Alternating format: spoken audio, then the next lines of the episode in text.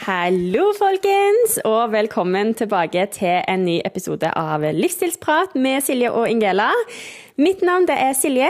Jeg jobber som online-coach, har en mastergrad i fysioterapi og sertifisert personlig trener. Og har, ja, nå er det jo nærmere ti års erfaring som det òg. Eh, og sitter som vanlig her sammen med Ingela. Hei, hei, hei, folkens. Det her er meg, Ingela. Jeg er 24 år og er utdanna personlig trener og kostholdsveileder. Jobber som online coach med det. Og så har jeg denne podkasten sammen med Silje, og i dag er vi her sammen igjen, Silje. Altså, endelig så sitter vi her og spiller inn podkast-episoden sammen i Oslo. Og nå er det bare å ja, gønne på. Det er jo en liten stund siden vi har sittet og gjort det sammen nå, så da blir det alltid sånn ekstra god stemning. Og nå til slutt så måtte vi bare være sånn Nå må vi bare starte! Fordi at mm, skravla, den går. Det er det iallfall ikke tvil om. Nei, det er helt sykt, faktisk. Vi skravler og skravler og skravler. Og vi har ikke vært sammen og spilt inn på lenge, og så har vi så mye andre ting vi har lyst til å snakke om. Og så har vi så mye ting Å, vi må snakke om det i podkasten! Vi må snakke om det i podkasten! Så vi må bare liksom uh, dra oss sjøl ut av det. Men nå er vi her. Vi er ready til å lage en episode som vi har snakka lenge om med dere at vi har lyst til å gjøre.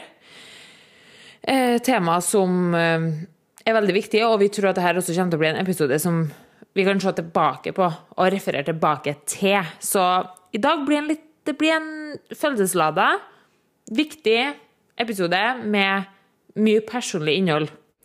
Ja, altså jeg sa det til Angela før vi begynner, at jeg kjenner at jeg nesten er litt sånn nervøs i dag for å spille inn.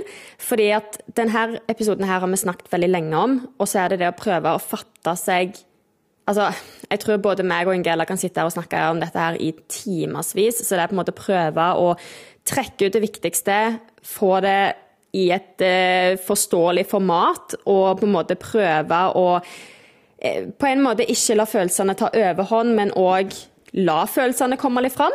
Eh, så jeg er veldig spent på hvordan det kommer til å gå, og hvordan liksom, praten kommer til å være. Eh, det her tror jeg er en altså, Jeg kan si nå at jeg tror helt ærlig at dette kommer til å være en av de episodene som med tida kommer til å ha flest avspillinger, faktisk. Du, det, det, var veldig bra sagt, det her med å la følelsene Altså ha følelser, men ikke la dem ta overhånd, og ikke på en måte sette seg sjøl fast inni historien.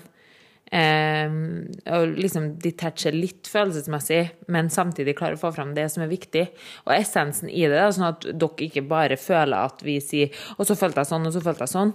Eh, men ja, jeg tror også det at uh, i hvert fall med, med de episodene vi ser nå, som gjør det best, og som folk liker best, og som liksom fortsetter å utvikle seg, og ha mest mulig eller mest avspillinger, så kommer nok den her til å være blant toppen. Det tror jeg òg. Uh, og jeg tror også det her er en episode som folk kommer til å høre kanskje flere ganger. Um, så det blir veldig spennende, og vi håper at uh, vi klarer å gi dere uh, på en måte det vi har lyst til at denne episoden skal gi dere. Uh, gi et bedre inntrykk av oss, eller et bredere inntrykk av oss og hvem vi er, og hvorfor vi har kommet hit der vi er i dag. Um, vi skal snakke mer om selve hovedtemaet, men først, Silje, hva har skjedd siden sist? Ja, herregud. siden sist så ja, hva har skjedd siden sist? Altså, Jeg har egentlig bare jobba masse.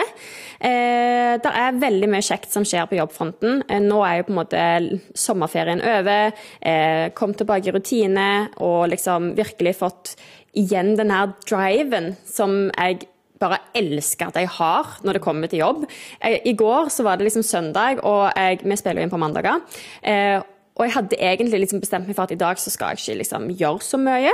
Men så bare liksom begynner kreativiteten å boble over. Og jeg er litt sånn, jeg, jeg kommer ikke til å tvinge meg selv å ligge på sofaen bare fordi. Når du kjenner at du er så liksom motivert og inspirert og kreativ, og bare, ja, da er det bare å sette seg ned og la, ja, la alt komme ut, på en måte. Eh, så, så, det har egentlig vært liksom hovedfokuset mitt den siste uka. Eh, har fått eh, trent litt og tatt vare på meg sjøl. Jeg hadde jo ei veldig rolig helg denne helga her, og jeg snakket faktisk litt om det på Story på Instagram òg. fordi at dette var jo en helg hvor det har skjedd veldig mye sånn festligheter. Sant? Det har vært Findings-festivalen, det har vært eh, masse liv i byen, masse folk som har vært ute på ting. Eh, og jeg var jo invitert på forskjellige plasser, men, men jeg kjente bare at nei, Jeg må faktisk bare si nei. Eh, og jeg syns jo det er så fint, for jeg snakket jo veldig godt med deg, Ingele, om dette. liksom at eh, Mitt sosiale batteri det er litt eh, begrensa. Um, og av og til så er liksom det beste bare å ta et lite steg tilbake. Ta ei helg der du bare liksom gjør det du vil og det du må, og ta litt tid for deg sjøl, pust med magen og bare være litt usosial, rett og slett. Og det har vært helt fantastisk. Og jeg kjenner bare at i dag når jeg våkna, så bare åh, jeg, jeg, kunne nok ikke tatt et bedre valg for meg sjøl denne helga her. Så det har vært egentlig veldig fint. Og ja, hvem er deg? Og jeg er så stolt av deg for at du bare sa Ingla, jeg blir hjemme i dag. Eh, når vi hadde invitert deg med ut på lørdagen. Og det var så bra. Jeg er så stolt av at du bare sa det, og det er så viktig at du sier det. Og, og du bare Herregud, jeg ble så, ble så rørt over hvordan du tok det, liksom. Og jeg tenker bare sånn What the fuck, jeg er bestevenninna di, så klart skal jeg forstå. Så klart skal jeg støtte opp under at du skal gjøre det du trenger for å ha det bedre med deg sjøl i dag og i morgen og i dag. Eh, og det er sykt viktig at man på en måte kjenner etter hva er det jeg trenger for å ha det best mulig med meg sjøl i dag, men også i morgen. Det, det, kunne ha vært så artig som bare vi hadde villet, men hvis det gjør at du ikke har det bra i morgen, fordi at du bruker enda mer av det batteriet som allerede er tomt, det er ikke verdt det, liksom. Så det er dritbra at du gjorde. Eh, Sjøl, ja, jeg er egentlig ganske lik skikkelig sånn taggad på jobbfronten. Det er så mye artig. Og vi hadde jo verdens beste dag forrige uke, der vi faktisk ikke fikk lov til å ha på treningsklær. Vi var ikke på telefon. Vi, var, vi hadde venninnedag, liksom. Altså, jeg må jo bare skyte. Herregud, vi har jo hatt den dagen siden sist vi spilte inn. Ok, Da må du ta ansvar for å fortelle om den. OK, det er greit. Ok. Ja, vi har faktisk også laga en liten reel på Instagram, så når jeg snakker nå, så kan dere også sjekke ut den reelen. Eh, som, som jeg snak, eller den dagen, da. Vi hadde jo den dagen, og vi liksom møttes først, og så eh, gikk vi til Oslo. Og så eh, var vi innom gymbutikken, og det er jo bare så artig. Det er bare sånn Det er veldig sånn old school feeling da, med å liksom gå innom der og se på proteinpulver i, proteinpulver i hylla, liksom. Det er dritartig. Um, og så, hadde vi eh, faktisk en tatoveringsdate. Og det her, folkens, hva skjedde nå? At vi har tatovert oss en likeens tatovering, et risstrå og det kan jo kanskje være litt sånn Et ristrå. What? What is that for? Men det er faktisk en veldig viktig mening bak det.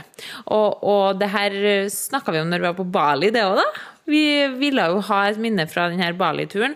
Eh, men akkurat da så var ikke Silje helt klar for å ta en tatovering. Eh, det kan du jo fortelle om sjøl, kanskje? Ja, altså jeg har jo en tatovering fra før av, eh, som jeg tok for nå, altså type ni år siden. Eh, og jeg har vært veldig usikker på om jeg skal ta mer, eller om jeg skal la det være med den ene. Fordi at jeg har vært litt sånn OK, tar jeg mer, så har jeg på en måte hele lista med ting jeg har lyst til å ta. Så det er liksom, det er litt alt eller ingenting faktisk med akkurat dette her for meg. At det er sånn, åpner jeg den døra, tar en ny tatovering nå, eh, så er det òg mest sannsynligvis flere tatoveringer som kommer til å komme, fordi at jeg har hatt ganske mye tanker om det. Så derfor så måtte jeg liksom bare gå noen runder med meg sjøl og kjenne på at OK, jeg er klar for å åpne denne døra. Og det gjorde jeg siste uke, og jeg er så fornøyd. Altså, fy søren. Ja, og så greia var jo at jeg, jeg måtte jo Ja, dere vet nå, jeg har nå mye tatoveringer, så jeg var liksom sånn OK, jeg kan ikke Ja ja, hun får på en måte ta det, ta det i sitt tempo, liksom. Og så hadde jeg liksom lagt det litt fra meg og tenkt bare ja ja, nei, men altså, hun er ikke klar for det. Og så på bursdagen min, så fikk jeg den ringen her. Du har liggende ring! Nå. Han ligger i gymbagen min. Den, den ligger i gymbagen til Silje, men hun har liggende ring. Så sa hun sånn, Ingla, du får den ringen. Og jeg likeens, eller at vi har likeens. Jeg hadde egentlig tenkt at jeg skulle fikse en tatoveringstime til oss, men jeg bestemte meg for at det blir litt meget. Vi tar den ringen i stedet, så er vi connecta med det. Og det syns jeg var verdens fineste bursdagsgave for det første. Og så er jeg sånn etterpå Men du, betyr det at du eh, liksom mener du at vi er liksom klare for å ta den her tatoveringen, da? Og så hun bare sånn Mm. Jeg tror det. Så jeg tar, tar også fikser tatoveringstime til oss. For jeg har en Jeg jobba faktisk på tatoveringsbutikk eh, mens jeg gikk påbygg. Jeg jobba som shopmanager der, og da ble jeg kjent med ei jente som eh, Jeg ble kjent med henne når hun var i Trondheim. Hun har nå flytta til Oslo og jobber som tatover her. Hun er råflink. Hun heter Camilla. Um, og jobber på Timeless Tattoo nå, da, i Oslo. Og det var her vi var. Og jeg sendte melding til Camilla og bare 'Hei, Snuppa, du, har du kunnet tenkt deg å hjelpe meg med en tatoveringsidé?' Og hun bare 'Ja, ja, ta med deg venninna di, så kommer dere her, så fikser vi det', liksom.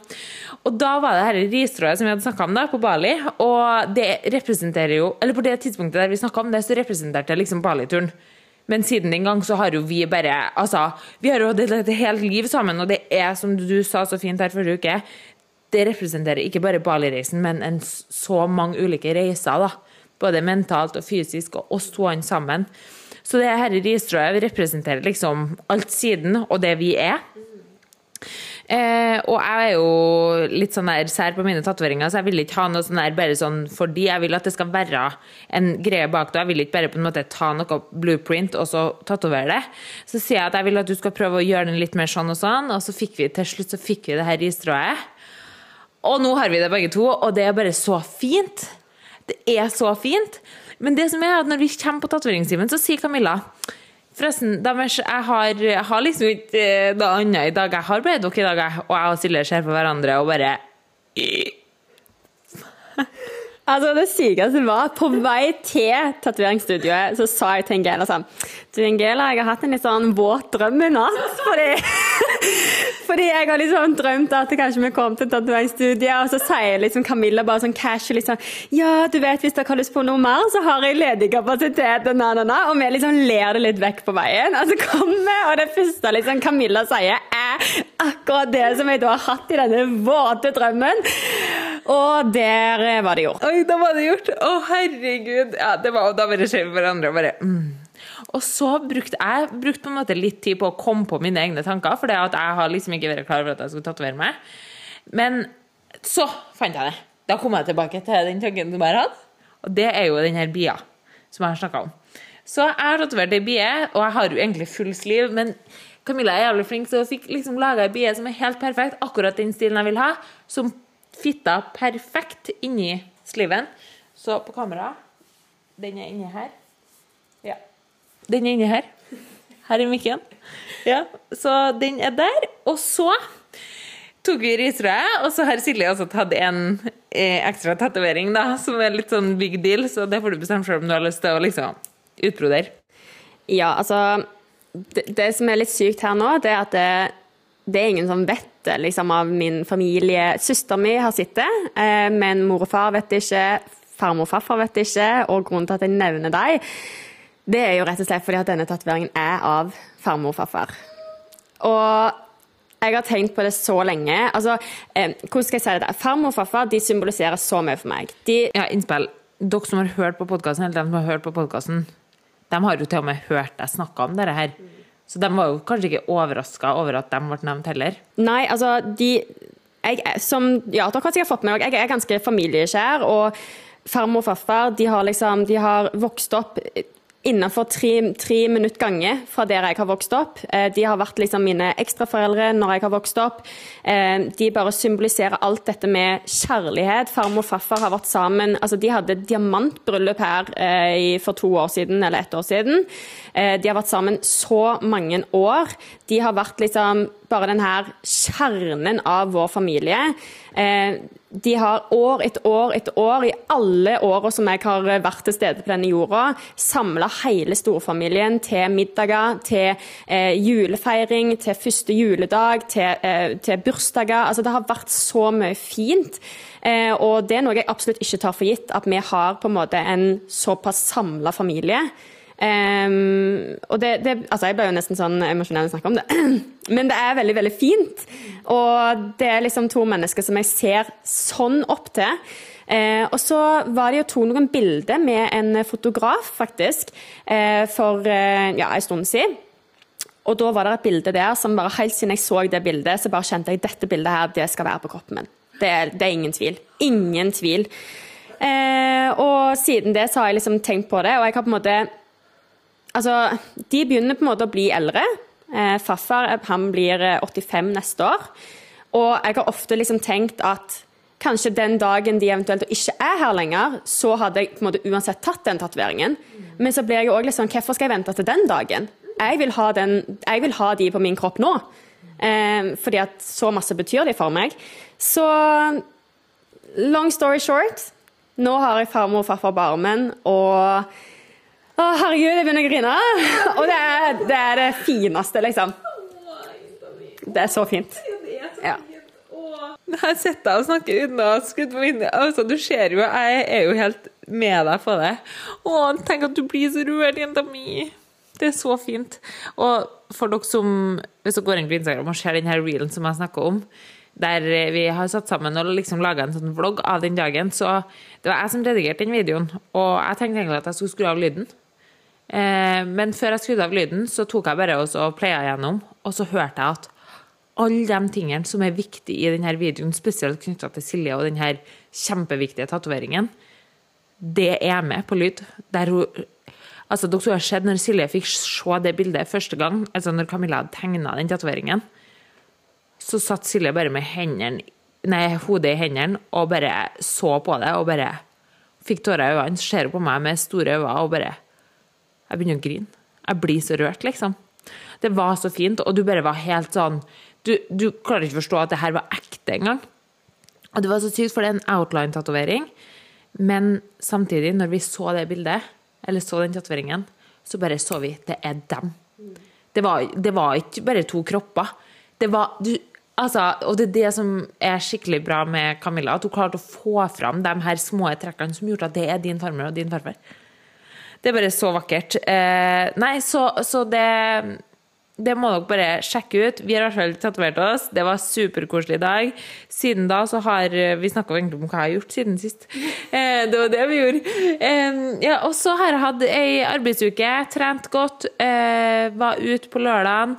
Prøvde en ny restaurant her i Oslo. Anbefales på det sterkeste. Det var en italiensk restaurant som spesialiserer seg på pizza. Samme eier har også en annen restaurant der de spesialiserer seg på pasta. Vi var da på pizzarestauranten. Den heter Girotondo. Ligger på Youngstorget.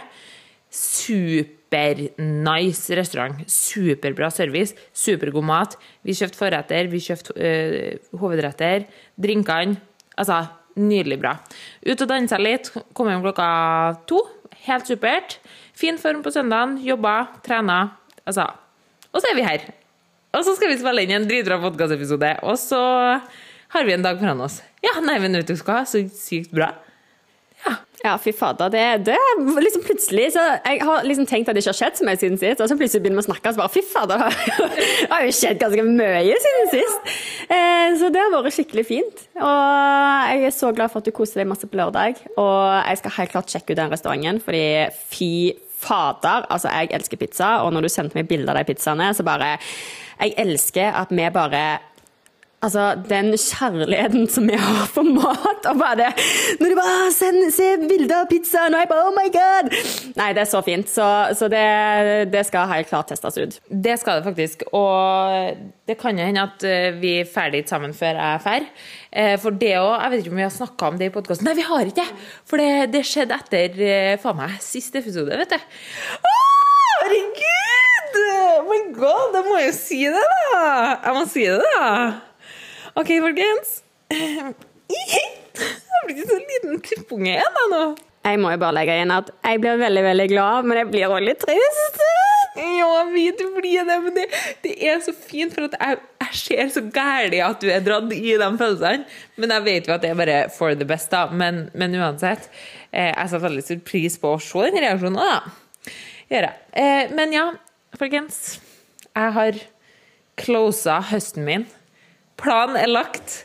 Jeg vet når jeg drar, når jeg blir, hvor jeg skal, når jeg skal. Å, herregud, det føles så jævlig godt ut å bare trykke på den billetten. Jeg har bestilt den billetten til Bali for høsten.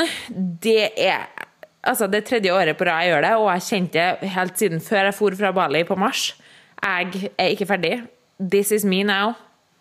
Jeg må gjøre det igjen. Men så har jeg ikke visst når eller hvordan eller hva. Eh, og akkurat når jeg har ferie, jeg bare visste at i løpet av september så skal jeg tilbake.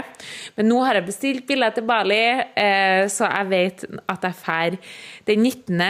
eh, september til Bali. Før det så skal jeg og Silje Hjelm en tur til Hellas. Og så skal jeg møte Malin i Kjøben og se på hun springe halvmaraton og få noen dager sammen med henne for å liksom få tatt det siste der før jeg drar. Men så drar jeg så ja, i 19. september, da. Så det, det, var bare en sånn For meg så er det sykt viktig del. Jeg bare kjente at øh, OK. Ja, men og det er jo akkurat det du sier, at det er så tydelig Altså, jeg ser på hele deg at når du nå har fått dette på plass Du har liksom gått og trippa, du har liksom vært litt all over the place i sommer. Sant? Du har vært her og der og bodd der og der, og så nå skal du liksom på en måte hjem. Og, og du, liksom, du har en sånn ro med at du nå vet hva som skjer, du vet hvor tid du på en måte skal OK, den dagen så reiser jeg, og da på en måte begynner det livet som du har der. og det er bare liksom når du Jeg merker det så sykt på deg at du liksom du har en sånn eh, motivasjon og inspirasjon over deg, samtidig som du bare har den der roen om at ja, nå vet jeg hva som skjer. Jeg reiser da, og det kjennes akkurat sånn det skal kjennes ut, liksom. Og det er så fint. Takk, Snuppa. Takk. Det er skikkelig godt òg. Jeg føler ja, I'm in the right place, og nå da kan jeg heller kose meg med de siste ukene her i Oslo før jeg reiser, fremfor at jeg skal gå og liksom bare være helt sånn Nei, jeg vet ikke, vet ikke, vet ikke. Så det føles skikkelig bra ut. Skal vi gå i gang? Ok, folkens. Vi skal komme oss i gang med denne her episoden. Jeg vet ikke hvor lang denne episoden kommer til å bli. Den må bare nesten bli så lang som den blir, tenker jeg. Eh, men det som vi skal snakke om i dag, det er altså våre livsstilsreiser. Og vi har jo snakket om vår treningsreise tidligere, eh, men det er ganske mye mer til disse reisene enn eh, det som vi på en måte har gått inn på nå. Eh, og det er derfor vi på en måte har valgt å kalle det litt sånn våre livsstilsreiser. For det er så mye mer enn bare trening eller sånne type ting, men det er så mye som har skjedd ja, med hele oss, da. Eh, så, så, vi tenker at vi skal gå litt gjennom de ulike fasene vi har vært gjennom, de ulike tingene som vi har møtt på på veien. Eh, jeg tipper jo kanskje at det er noe her som en del folk kanskje kan kjenne seg litt igjen i. Eh, og prøve å liksom fortelle ut ifra våre erfaringer eh, hvordan ting har vært opplevd, og liksom Ja. Og egentlig bare hvordan vi har kommet oss til der vi er i dag. For det har jo vært en bumpy ride for oss begge, men samtidig så har det vært en vei som har vært på en måte så verdt å gå, da, nå når vi sitter her nå. Ja, det er veldig sant. Og det med hvorfor har vi kommet hit der vi er i dag, både liksom, eller hvordan har vi kommet oss hit, og hvem er vi i dag? Eh, det handler jo også om hvorfor har vi valgt å gå de veiene vi har gjort sånn jobbmessig, eh, og hva, hva, er det vi tar med oss fra det vi har gått gjennom og vår bagasje inn i jobben vår? Hvorfor, det der, hvorfor har vi lyst til å hjelpe andre mennesker? Det er så mye mer til det enn eh, bare den treningsreisen, så eh, det er det her er noe vi har snakka mye om at vi må fortelle om, for det er så mye mer til et menneske enn, enn hvor gamle de er, hvor de er fra og hva de jobber med. Eh, så jeg tror det blir kjempebra. Og så får vi bare prøve å ta en fot fram den andre og så fortelle så ærlig som vi kan. Og så kan det hende at det er noe som misser ut, og så kan det hende at det er noe som ikke blir med. Men vi får bare prøve å forklare så godt som mulig. Eh, hvem skal starte? Jeg tenker kanskje du skal starte. Og bare liksom ta oss litt tilbake i tid ifra på en måte der du anser din livsstilsreise til å starte, og så bare ta et steg om gangen, egentlig? Ja, det kan jeg gjøre. Eh, absolutt. OK. Eh, så min livsstilsreise, ja.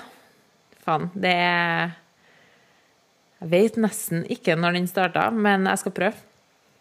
OK, så jeg eh, jeg begynte jo å trene styrke, som jeg har fortalt. Hvis dere ikke har hørt våre treningsreiser, gå og hør den først, bare for å få en, en litt baseline på det.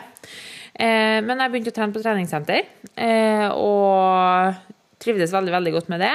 Jeg kjente at ok, her er, her, er, jeg sterk, her er jeg bra, her føler jeg at jeg har en plass å være.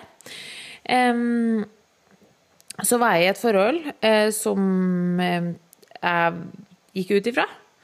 Eh, og etter det så var jeg litt sånn her OK, nå nå har jeg lyst til å føle meg enda bedre, eller nå har jeg lyst til å ta enda mer kontroll, kanskje, over eh, mitt liv.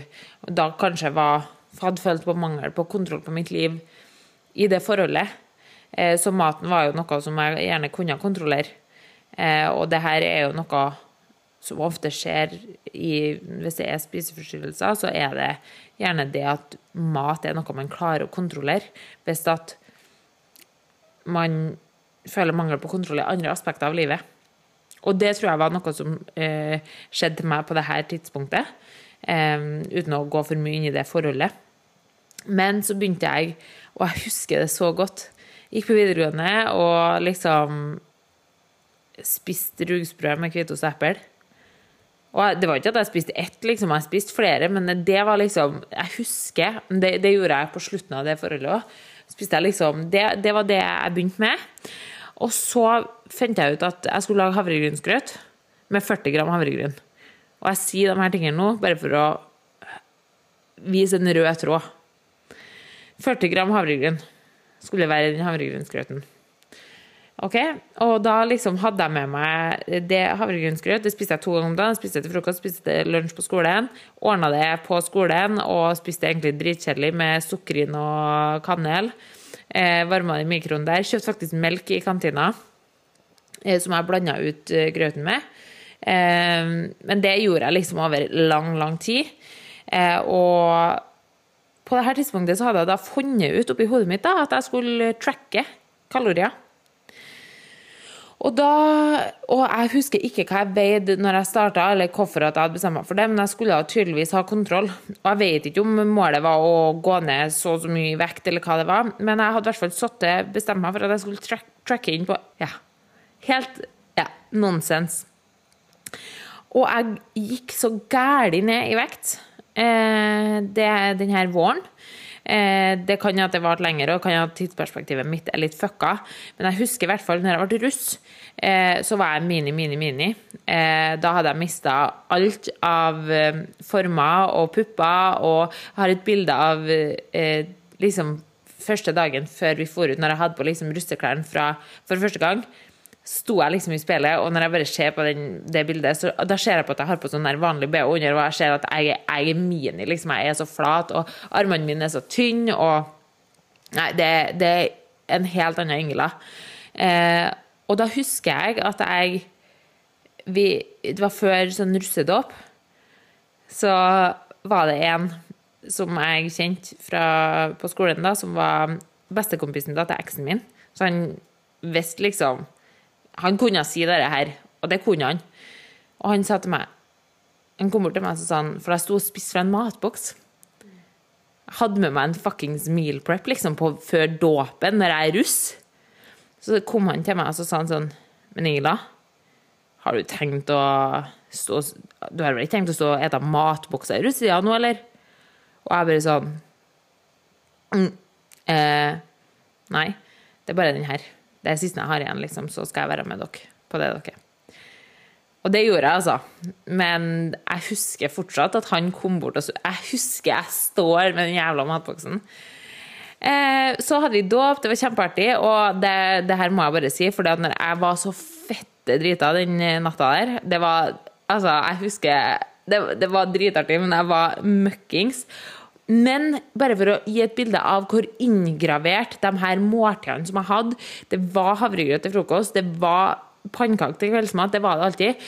Når jeg kommer hjem fra Stjørdal etter å ha vært ute i hele natta og dansa med Tix på scenen, noe jeg ikke hadde gjort, så har jeg faen meg laga meg pannekaker på natta. Og jeg hadde, hatt blåbær, og jeg hadde hatt peanøttsmør oppå, og jeg hadde begynt å spise denne pannekaka. Men jeg har tydeligvis ikke spist opp. Jeg har tydeligvis gått og lagt meg imens. Når jeg sto opp dagen etterpå, Silje Jeg har bilde av det på telefonen min, jeg kan vise det etterpå. Når jeg sto opp dagen etterpå, så lå det faen meg halvspist pannekake med peanøttsmør og blåbær over det hele på kjøkkenbordet. For da har fitness-Ingela vært og lage seg proteinpannekake natt til 1. mai. Nei, fy faen, det var så bad. Så Long story short, går gjennom sommeren, eh, finner meg, eller får også ny kjæreste på denne tida. Eh, eller ja, i, i, det, I denne perioden så får jeg også ny kjæreste, men han var også veldig opptatt av trening og mat og sånt. Men han merka jo også at jeg hadde et veldig anstrengt forhold til mat, og at jeg liksom snakka veldig mye om maten, og at jeg liksom eh, skulle ha sånn spesialmat, eller at jeg ikke kunne spise sånn, eller at jeg ikke kunne ha melk i kaffen selv om jeg hadde lyst på det. og det var mye sånne ting, og at jeg var ja, veldig veldig opptatt av det, men samtidig så var det her mat som vi begge likte å spise. Eh, men det var bare at jeg tracka det, og det, det ble anstrengt, da. Eh, og jeg ble jo bare mindre og mindre. Eh, men denne sommeren, altså eh, Etter jeg hadde gjort det slutt med han og fått en ny kjæreste, så går det et år før jeg blir russ. Sånn var det. Ja, Så det er ett år imellom. Så den første sommeren Altså, jeg har ikke vært russ ennå nå så har jeg blitt veldig liten. Og jeg og bestevenninna mi da skal til Barcelona på tur. Nei, jeg tar det fra etter russetida, i hvert fall. Jeg har nå holdt på med dette her i mer enn et halvt år. Det skjønner jeg, så det må være ett og et halvt år. Eh, så mm, Så drar jeg på tur med Hedvig til Barcelona. Og hun, eh, hun, har jo vært på tur med meg før, heldigvis. Hun vet hvordan Ingela er på ferie. Eh, og da vet hun også at jeg elsker is, krepp, vaffel, godis. Altså everything good. I love it. Og det vet hun. Så vi kommer jo til Barcelona, og hun merker jo at her er det ei som eh, ikke oppfører seg på samme måte som hun gjorde sist. Eh, hun merker at jeg eh, ikke har lyst til å spise fra den isdisken her. Jeg viser Silje nå, for jeg må ha telefonen for å forstå.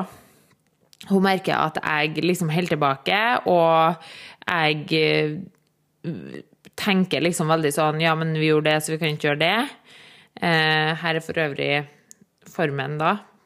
Altså, jeg må jo bare skyte inn her at når jeg ser på bildet fra deg på den tida Det her har jo meg og deg snakket om kjempemasse. Det om at et bilde sier så mye mer enn å på en måte bare vise deg og hvordan du så ut på den tida, men òg når du på en måte ser Altså, det er helt sinnssykt. Det er liksom ikke deg. Og når du ser på øynene dine, så er du liksom Det er veldig tydelig da at um, du ikke er frisk, hvis det er lov å si. Mm. Um, og det her har vi på en måte Vi har snakket veldig mye om det. Hva er det som egentlig gjør at det viser om du på en måte der har det bra eller ikke? Men, uh, men jeg tenker jo at uh, Vi har jo snakket litt om at du har en video som du kanskje gjerne vil dele på Instagram òg, og på en måte vise litt av dette. Og uh, nå er kanskje den riktige tida for det, hvis du er komfortabel med det. Ja, jeg føler denne videoen du har jo sett den, og jeg føler at den representerer veldig mye av min reise og min endringsreise òg, da. Eh, så absolutt. Og det er så rart det du sier der med Ja, du ser at her er det ikke bra. Men jeg må også bare si det med en gang. Jeg har aldri vært eh, jeg har aldri hatt noen diagnose eller noe på en spiseforstyrrelse, men eh, man kan i hvert fall si Om man ikke sier at det er en diagnose på det, så er jeg i hvert fall ikke frisk. Det er helt sikkert. Og jeg tenker jo at eh, det er veldig mye som på en måte kan kategoriseres inn mot eh, f.eks. en spiseforstyrrelse, men jeg tenker her altså et veldig anstrengt forhold til mat, kropp og trening.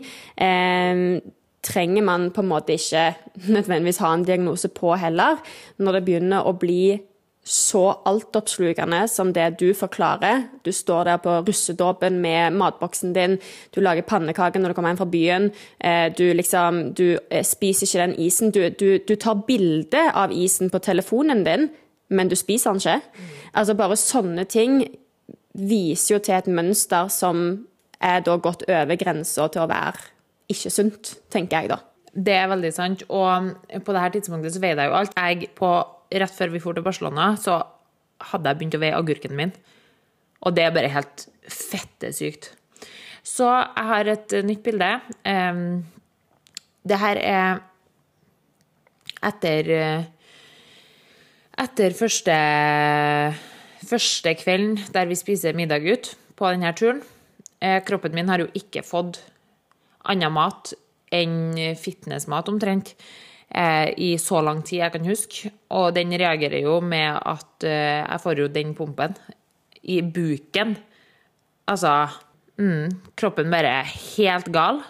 Eh, og blodårer der jeg ikke visste jeg kunne ha blodårer. Og ja. Så Hedvig, hun tar tak i meg. Takker Gud for det. Jeg må også si på denne turen så hadde jeg med meg vannkoker, engangskopper og havregryn, ekspress havregrøt og sukkerfritt syltetøy for å spise havregrynsgrøt i kopp, eller? På hotellrommet i Barcelona. Når du skal være borte ei uke med vennene dine i. Du har med havre, nei, vannkoker hjemmefra. Det er fettesykt. Hedvig, takk som faen for at du var der for meg og sa Ingela, det her er ikke bra. Du er ikke frisk, og du kan ikke Altså, hun sa ikke sånn, men hun sa det, det her må stoppe, Ingela. Du er gal. Du, du, veier alt. Du er ikke deg sjøl. Du kan ikke spise de tingene som vi har alltid brukt å spise sammen. Hva er det som foregår? Og jeg er så sinnssykt Altså, det jeg husker, den samtalen Jeg husker hun sa Du veier agurken din, Ingela. It's not fucking right. Og det var det første vendepunktet for min del. Da skjønte jeg oi, jeg er faktisk eh, jeg, må slutte med det her. Det er for, altfor galt. Eh, så kom jeg hjem til kjæresten min, og da hadde vi en eh, sommer med mye mer mat, jeg, og jeg drakk vin. Og liksom Ja, ja, det var helt sinnssykt. Eh, og liksom kunne endelig være meg sjøl igjen sånn sett, da. Eh, fortsatt å trene. Og var fortsatt veldig, veldig liten. Eh, men, eh, men klarte på en måte å dra meg litt ut av det. Jeg fikk et annet fokus og sånne ting. Og så, og så gikk det nå ei tid um, der jeg ikke hadde så veldig mye fokus på selve vekta, men, men eh, skulle jeg fortsatt være veldig lean, altså. Skulle jeg fortsatt være veldig liten og uh, sånn, men jeg, jeg veide ikke og telte ikke kalorier, da. Det var jeg litt ferdig med. Men altså, så er det jo sånn at uh, you can't unsee it. Så man har jo lært seg hva som funker, og hva man må spise, og hva, at havregrøten din skal være på 40 gram, og peanøttsmøret oppå skal være 10 gram.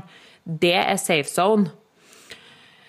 Sånn at akkurat der så vet jeg ikke hva jeg hadde mentalt, men jeg tror kanskje jeg var veldig forelska og veldig sånn Ja, klart å fokusere på noe annet, da. Um, for jeg ser jo her på bildene at jeg begynner å bli litt Jeg blir litt større. Uh, og Altså ikke stor, men liksom at jeg har litt mer puff i livet. Um, mm. Skal vi se, bare scrolle fort gjennom her nå for å prøve å finne et nytt holdepunkt. Um, jo, neste som skjer da, egentlig to somre etter, tror jeg. Uh, jeg og min daværende kjæreste, vi skal til Bali. Eh, og det her var jo da jeg ble forelska i Bali for første gang. Eh, det var helt, eh, helt fantastisk bra tur. jeg er fortsatt liten, men, eller ganske lita, men ikke sånn eh, Ikke så anstrengt som jeg har vært tidligere. Eh, jeg ser her nå at jeg er på Palmesus den sommeren da, da var jeg ikke god. Det kommer jeg på nå. Eh, da prøvde jeg å få maten og drikken til å fitte inni et visst tall. Men da vet jeg at jeg hadde en periode lenge uten noe tracking eh, på det nivået. Men da kanskje at jeg følte for et behov for å ta tilbake noe kontroll igjen, siden jeg visste at jeg skulle drikke i hel helg. Eh, eller noe, men jeg husker at jeg var inne på Subway-menyen og fant ut hvordan eh, Subway, som var den beste alternativet for nattmat, hadde også med liksom lomper, eller handla inn lomper og hadde det i huset og sånn der. Mm. Så, så, jeg ser det også på bildene for Palmesus her, at jeg er eh, mindre enn det jeg er nå, ja. Absolutt. Men det gikk eh, tydeligvis greit nok til at eh, jeg klarte i hvert fall å dra eh, på tur til Bali. Eh, og da skulle jeg jo, da var jo en del av turen min var jo at jeg skulle spise og kose meg, liksom. Eh, her Nå er jeg mer på det fokuset med at jeg skal se bøff ut, eller at jeg skal se liksom ikke bare at jeg skal være lita, men jeg skal være liksom muskler. Jeg skal være veldig fokusert på at jeg skal se musklene. Ja. Eh, og jeg tror jo på det her tidspunktet at jeg har det òg, men det her, nå viser jeg et nytt bilde her. Her er når vi har kommet fram til Bali. Så jeg er jo ikke noe stor, som du ser. Eh, men veldig opptatt av noe som ikke er helt bra. Ehm, ja, står nå her og poserer som en eh, bikini-fitnessutøver, og ja, veldig opptatt av det. Men da òg husker jeg det sjøl som at jeg ikke hadde et veldig anstrengt forhold til hva vi skulle velge oss og sånn, fordi jeg har liksom bestemt meg for at jeg skal være på Bali, og var der med hele meg. Um, men jeg kan nok tenke tilbake på denne tida, men nå, altså, nå føler ikke like sterkt at jeg hadde vonde følelser og sånn, fordi at jeg har ikke det lenger nå. Men fy faen, han jeg var sammen med i fire år, han har hørt, og vi har hatt så utrolig mange samtaler på grunn av at jeg føler meg drit for den maten jeg har spist, at jeg har så dårlig samvittighet. Men jeg har aldri vært den personen som har ferdig på trening ekstra, eller sprunget ut på mølla for å forbrenne, eller sånt. Men jeg har hatt så utrolig mye dårlig samvittighet, og har også fortsatt å spise de der kaloriene som jeg hadde bestemt meg for å spise, på de ulike tidspunktene. Men ja, så jeg har ikke trent annerledes, jeg har ikke spist annerledes, men jeg har fått jævlig mye dårlig samvittighet og har måttet ha jævlig mye samtaler med han. Det gikk jo veldig, veldig utover han, så klart. Så creds til han eh, for at han eh, snakka med meg, og at han ja, hjelpa meg gjennom det. For jeg er helt sikker på at jeg hadde ikke vært eh, eller klart det så godt uten han. Eh, for da tror jeg ikke jeg hadde vært grounded. Han var for meg eh, en, en veldig sånn trygghet, da. Der jeg er veldig sånn Liksom helt sånn hetsyke, da. Så jeg var han veldig sånn rolig og grounded og liksom følt trygg. Og har liksom hjulpet meg gjennom tankene som jeg strevde med, da. Og som jeg også hadde strevd med i mange år. Eh, men jeg husker denne Bali-turen som det beste, beste, beste minnet ever. Og det da da hadde jeg nok også kanskje huska mer hvis det hadde vært veldig mye vanskelige tanker rundt mat. Men jeg ble veldig inspirert på matfronten, og det tror jeg var godt for meg. Jeg ble veldig glad i å spise eh, liksom uten kjøtt og sånne ting. Eh, så vi begge, når vi kom hjem fra Bali, så, eh, så slutta vi å spise kjøtt for en periode. Eh, noe som vi gjorde i ja, et halvt år, kanskje. Og det var kjempe, kjempebra. Vi hadde var veldig, veldig glad i mat og lagde oss mye mat sammen og sånt, men Og her tracker jeg ikke, altså. Men det her kommer et nytt vendepunkt for min, min tid. Jeg må bare si, nå er vi også høsten 2019. Eh, så ser jeg at herregud, jeg blir bare mindre og mindre. Og jeg tracker som sagt ikke, men her har jeg en video 16.9.2019. Eh, det her er ikke den videoen du har sett, for den kommer senere. Men det her er Og du kan se starten nå. For det, det er jo veldig sånn Veldig, veldig noe identitetskriseting her.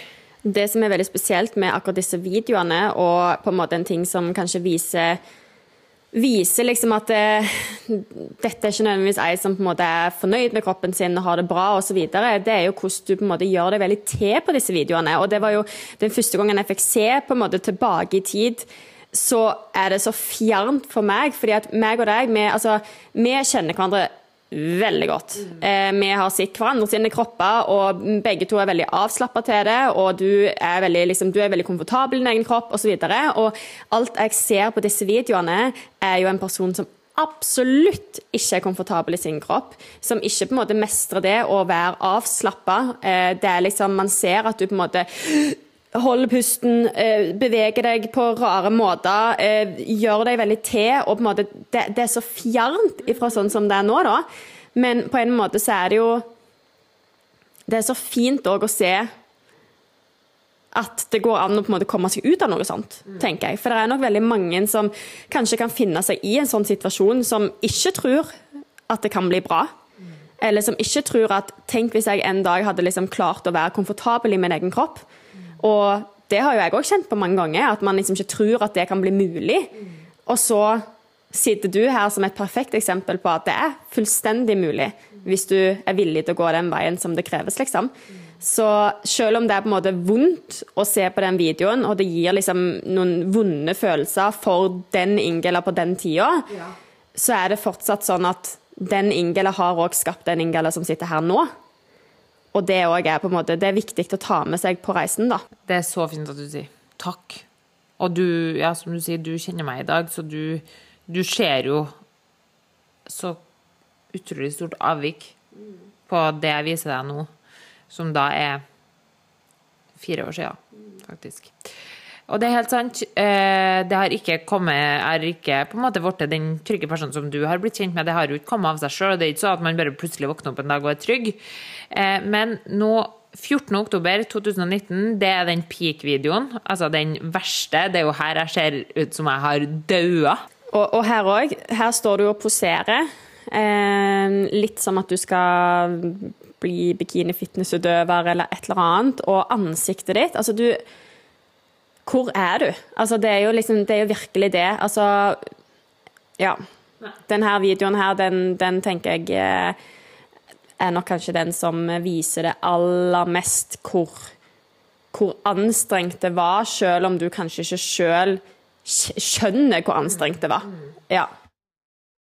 Og denne videoen, folkens, denne videoen er tatt eh, 15. oktober 2019 klokka 6 om morgenen. Jeg er på tur til jobb, eh, men jeg har laveste vekt ever. Jeg har sett at Ingela Det er faen over.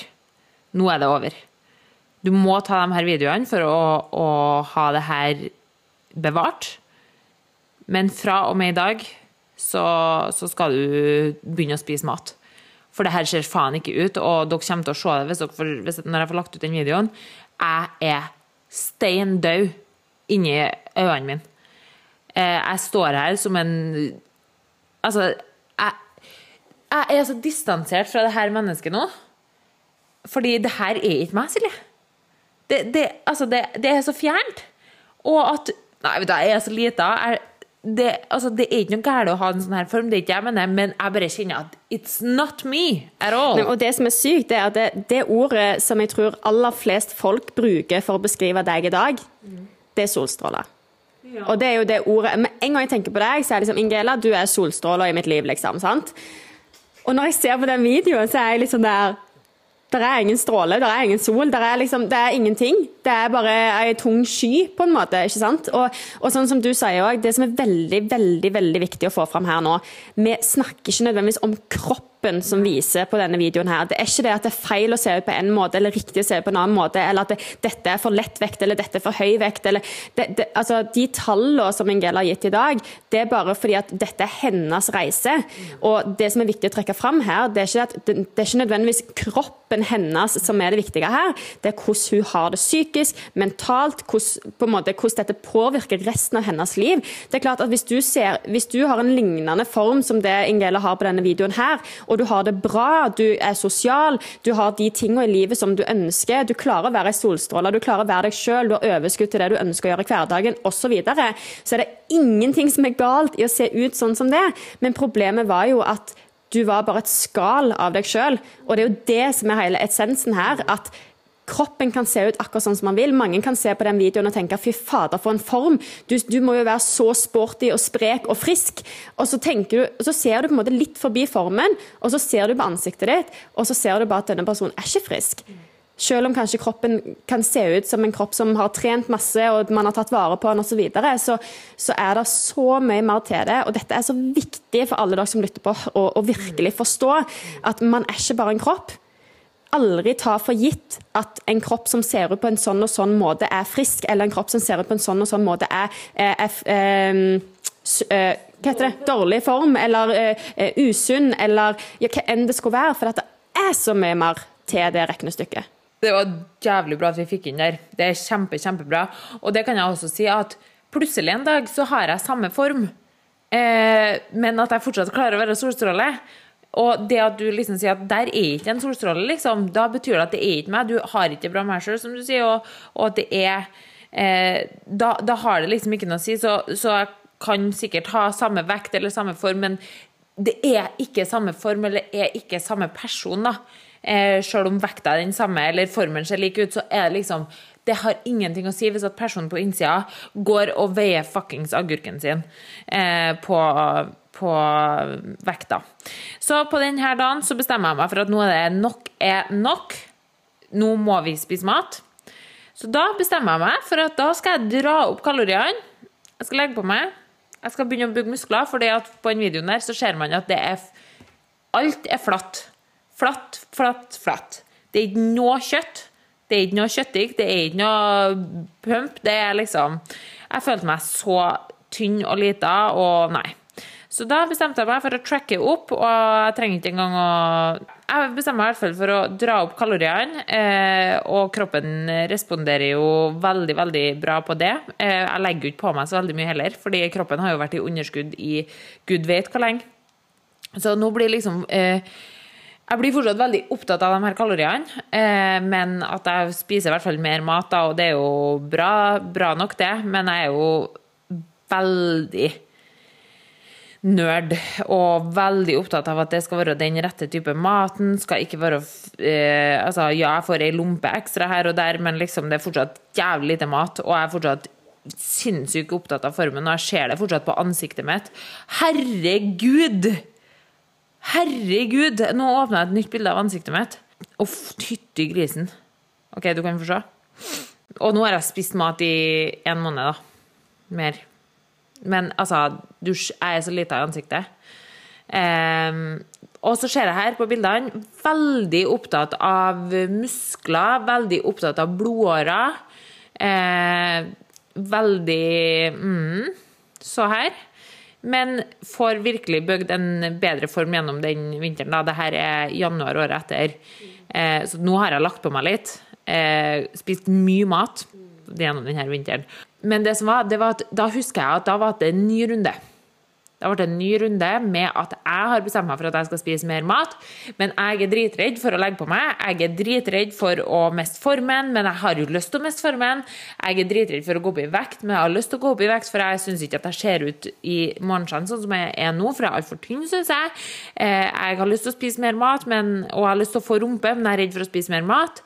Men jeg husker at noe av det som var med på at det ble breaking pointen for meg, det var at jeg hadde vært på trening i Trondheim den morgenen der, eller noen morgener før, og så hadde jeg sett ei jente, og jeg syns bare at hun hadde så fin rumpe. Hun hadde Den muskelrumpa, liksom, den var fin og fyldig. Og da skjønte jeg Ingra. Sånn som du holder på nå, så kommer du aldri i livet til å få ei rumpe. Og det hadde jeg. Jeg hadde jo mista rumpa mi, da. Eh, så ja, på det her tidspunktet så var jeg så jævlig dratt, da, for jeg hadde så lyst, men så hadde ikke jeg så lyst. Og så eh, klarte jeg fortsatt eh, ikke å eh, tenke at Herregud, ja, men jeg kan jo ikke ha mer enn 40 gram havregryn. Jeg kan jo ikke ha mer enn 10 gram peanøttsmør. Så jeg slutta aldri med 40 gram havregryn. Men jeg tok litt mer peanøttsmør, tror jeg. Altså, det som er veldig på en måte fint skulle du si, altså, Ikke misforstå ordet fint her nå, men, men det er jo det at eh, du har jo tenkt at nå er det nok. Du skal ta deg sammen. Og så kamuflerer du litt det eh, på en måte usunna i dette med at du på en måte tenker ok, men nå skal du gå opp i vekt, men du fortsetter jo fort, altså du, du gjør jo fortsatt ting som gjør at du har anstrengt forhold til mat. Og det er jo det som kanskje er veldig vanskelig. at det, det, er liksom sånn, Nå går du fra at du har hatt veldig fokus på at du skulle være så lite som mulig, og du skulle spise lite mat, og du, var liksom, du hadde lite energi, du var ikke deg sjøl, eh, du hadde et anstrengt forhold til mat og kropp og alt. Eh, og så tenker du at nå skal du ta et oppgjør med deg sjøl, og så tenker du ok, nå skal jeg spise mer mat, jeg skal liksom trene bra, skal, men, men, du gjør jo fortsatt disse tinga som gjør at det er fortsatt et anstrengt forhold. Og det er det som jeg tror er veldig vanskelig å på en måte forstå sjøl. At selv om du nå på en måte har tatt et valg om at du skal bli friskere, i hermetegn, da, eh, så eh, kamufleres liksom disse her traitsene dine som gjør at dette er ikke en sunn måte å leve på i denne nye, sunne livsstilen, hvis du skjønner hva jeg mener. Alt i hermetegn, selvfølgelig. Ja, og det synes jeg, det har jeg aldri reflektert over sjøl, men det er veldig sant. Jeg tar jo veldig vare på mine toxic traits, som her er et halvt år etter jeg begynte å spise mer mat. Så ser du at stemningen er egentlig akkurat lik. Den er akkurat lik. Men du må bare se når jeg zoomer inn på slutten her, for det bare, jeg bare så det når jeg fant denne videoen. Eh, jeg må prøve å ikke se. Altså, her òg. Det, er liksom, det er som du sier, at ja, det er jenter som har litt mer fylde i kroppen sin, som har spist mer mat, men du har jo fortsatt et eh, et usunt forhold til kropp og mat. Eh, track tracking. Eh, du er fortsatt opphengt i kalorier, du er fortsatt opphengt i å stå og ta akkurat sånne videoer som dette. Og det her òg er viktig. Det er ikke noe problem i å ta eh, poseringsvideo. Altså, jeg tar masse bilder når jeg er på trening, og jeg kan òg filme meg sjøl når jeg er på trening, eh, og filme meg sjøl når jeg er hjemme, osv., osv. Og, og det er ingenting med at det på en måte er en usunn ting å gjøre, men det er måten du gjør det på, og tanken din bak å gjøre det, gjør det til en usunn ting. Og det er jo dette vi har snakket om, fordi at eh, du er jo Hvor høy er du? 1,74. Ja, og jeg er 1,72-73 eller et eller annet sånt. Og så har vi snakket litt om hvordan er det mulig at du på en viss vekt ser ut på en viss måte. Og når jeg f.eks. er på samme vekt, kan se ut på en så annen måte. Og det er jo kobla til hvordan man har det. At når du har vært på en viss vekt, så har du sett syk ut. Du har sett eh, nedstemt ut. Du har sett eh, temmelig soulless ut. Ja, ja, ja. Mens når jeg kanskje har vært på ei, ei samme vekt, mm. så ser jeg gladere ut enn jeg har vært noen gang. på en måte, sant? Og det har jo nettopp med hvordan du bærer kroppen, hvordan du fremstiller deg sjøl, hvordan du eh, ja, hvordan du ser ut. Ikke bare kroppen din, men, men, utstrålingen din, energien din og alt dette her. Det har så mye å si. Mm. Eh, og jeg tror at veldig mange som kommer til å få se den videoen som du kommer til å dele, tror jeg kommer til å få litt sjokk. Fordi at veldig mange altså Nå er det jo sånn at du har jo eh, fått en god del flere følgere i sosiale medier osv. etter du på en måte kom over den kneika som vi på en måte går gjennom nå, med din livsstilsreise og alt dette her. Og veldig mange har jo på en måte fått et øye for deg på ditt friske når du er solstråla, ikke sant? Og det å plutselig se en sånn video som bare liksom er så langt vekk. Jeg tror liksom at det, det er en ting for oss å sitte og snakke om disse tingene, men når dere får se videoen, så tror jeg at alle kommer til å skjønne hva vi mener. om at Det handler ikke om nødvendigvis formen, det handler ikke om hvor mye du veide, det handler ikke om eh, hvor mye muskler du hadde, det handler ikke om noen ting av det. Det handler om den, det mennesket du ser på denne videoen. Eh, så, så, tenk litt over det når dere ser denne videoen òg. Det er veldig, veldig sant. Og ja, det spesielt det her med at jeg har fått mye følgere etter etter jeg har gjort det jeg har gjort, eh, etter jeg vært personlig trener og sånne ting. Men også det at eh, de følgerne de vet bare om den sida av meg. Mm. Eh, og, og, også mine kunder. altså Alle sammen. For det her er ikke noe jeg har vært Jeg har vært åpen om at det har vært ting, men jeg har liksom ikke altså det her er første gangen både jeg og Silje deler hele driten, liksom. Og med, med min historie så kommer i hvert fall noe av det her contentet. Men jeg ser også på bildene jeg hadde skikkelig, skikkelig problemer med huden min. Eh, og bildene av ansiktet mitt er ikke noe altså de, Jeg ser det at jeg har veldig mye altså veldig tynn hud i ansiktet, og veldig altså Munnen blir veldig stor, på en måte. Eh, og at jeg hadde veldig uren hud, så det sleit jeg med. Eh, og jeg ser Ja, det, det liksom Historien fortsetter bare. Eh, fortsatt, fortsatt lita, fortsatt uh, skikkelig dårlig hud, og jeg husker det syns jeg var så fælt. Her eh, ser du eh, ansiktet. En av de tingene som jeg tenker på òg, det er jo det at eh, hvordan man på en måte ser ut, både liksom med farge i ansiktet, huden i ansiktet altså Det er så mange ting som kan si om kroppen din har det bra. Altså man får de næringsstoffene som man trenger. Eh, og det er jo en ting som er ganske tydelig på disse bildene her, det er jo at du er utrolig blass. Du er veldig si, livløs. Du har liksom ikke noe særlig farge i kinna. Du har liksom ja, det, det, er en veldig spesiell ting å se, men det er så tydelig at kroppen din får ikke nødvendigvis det han trenger. Og det er jo òg en kjempeviktig ting. Og jeg tenker sånn, eh, for oss som er jenter, så er det så viktig for hormonbalanse, for alle disse tingene, at man faktisk får i seg nok av de næringsstoffene man trenger. For hvis ikke så kan du få problemer med huden, menstruasjon kan være et problem. Nå vet ikke jeg om du noen gang har hatt problemer med det? Eh, nei, jeg er en av dem som har starta på et, en type p-piller når jeg var 14 og gått på samme siden, så jeg har hatt likeens syklus siden jeg starta. Så det vet ikke jeg, men jeg mista i hvert fall aldri mensen. For det òg er jo en ting, og det er superbra, for det er en ting jeg har eh, Altså, jeg har jo hatt flere kunder opp gjennom tida som har vært på lignende reiser som dette, og da har det kanskje gått så langt at man har mista menstruasjonssyklusen sin. Eh, man har ingen blødninger lenger. Eh, hormonene de spiller ikke på lag i det hele tatt. Og det er, liksom, det er så mange ting som skjer når kroppen ikke trenger, får det han trenger, og det vises tydelig. Og det nå skal ikke jeg ta for gitt at hvem som helst klarer å se disse tingene tydelig. For nå er det jo klart at vi har jo en utdannelse innen dette, vi har flere års erfaring med å jobbe innen dette. Og eh, for meg som på en måte Nå har jo jeg en fysioterapiutdannelse òg, hvor jeg har satt meg veldig inn i akkurat dette. Eh, men da er det veldig tydelig, i hvert fall. Eh, så, så, det òg er en veldig viktig ting å få fram. At det, det handler ikke om at du nødvendigvis eh, spiser så og så mye eller har en sånn og sånn mengde av ting, men eh, jeg har jo hatt flere kunder hvor man f.eks. er redd for fett, eller redd for karbohydrater, eller er redd for ulike ting. Og det òg kan jo gjøre at man på en måte får lignende tegn da, fra kroppen som du viser til her. Absolutt. Og jeg ser også på bildene på en måte at håret mitt, f.eks. Det er ikke noe jeg tenkte over da. Jeg tenkte bare at jeg hadde dårlig hår. Eh, men nå skjønner jeg at eh, liksom, når vi på en måte går reminiscer her, så, så, er det også noe. Um, så ja. Jeg må faktisk bare skyte ut en ting. Jeg tar en liten pimp decision her. Eh, og det er at eh, denne episoden her, det er din livsstilsreise.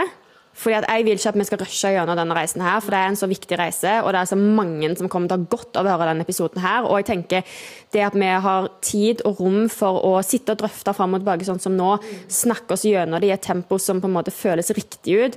Eh, sånn som Det er jo veldig mange ting du sjøl kanskje ikke har tenkt over, sånn som du nevner nå. Eh, så jeg tenker at vi, vi gjør det sånn at i dag så snakker vi om Ingela sin livsstilsreise, og så neste uke så snakker vi om min livsstilsreise, og så blir det heller to separate episoder, sånn at det ikke blir kaotisk og rusha gjennom, og at man misser ut eh, ting som kanskje er viktig og ja, får tatt i et tempo som kjennes godt ut. God pimp. Det, det synes, ja, på ekte, det syns jeg var en skikkelig bra avgjørelse. For det, jeg, jeg kjenner på det at jeg har lyst til at både sine reiser skal få den verdien, så at det ikke blir sånn at jeg må rushe ferdig min, og så må du rushe din. Og... Nei, jeg er helt enig. Det syns jeg var et uh, godt uh, valg. Eller godt avgjørelse. Eh, og har jo liksom ikke ja, nå, vi, nå kommer vi oss til et nytt vendepunkt snart.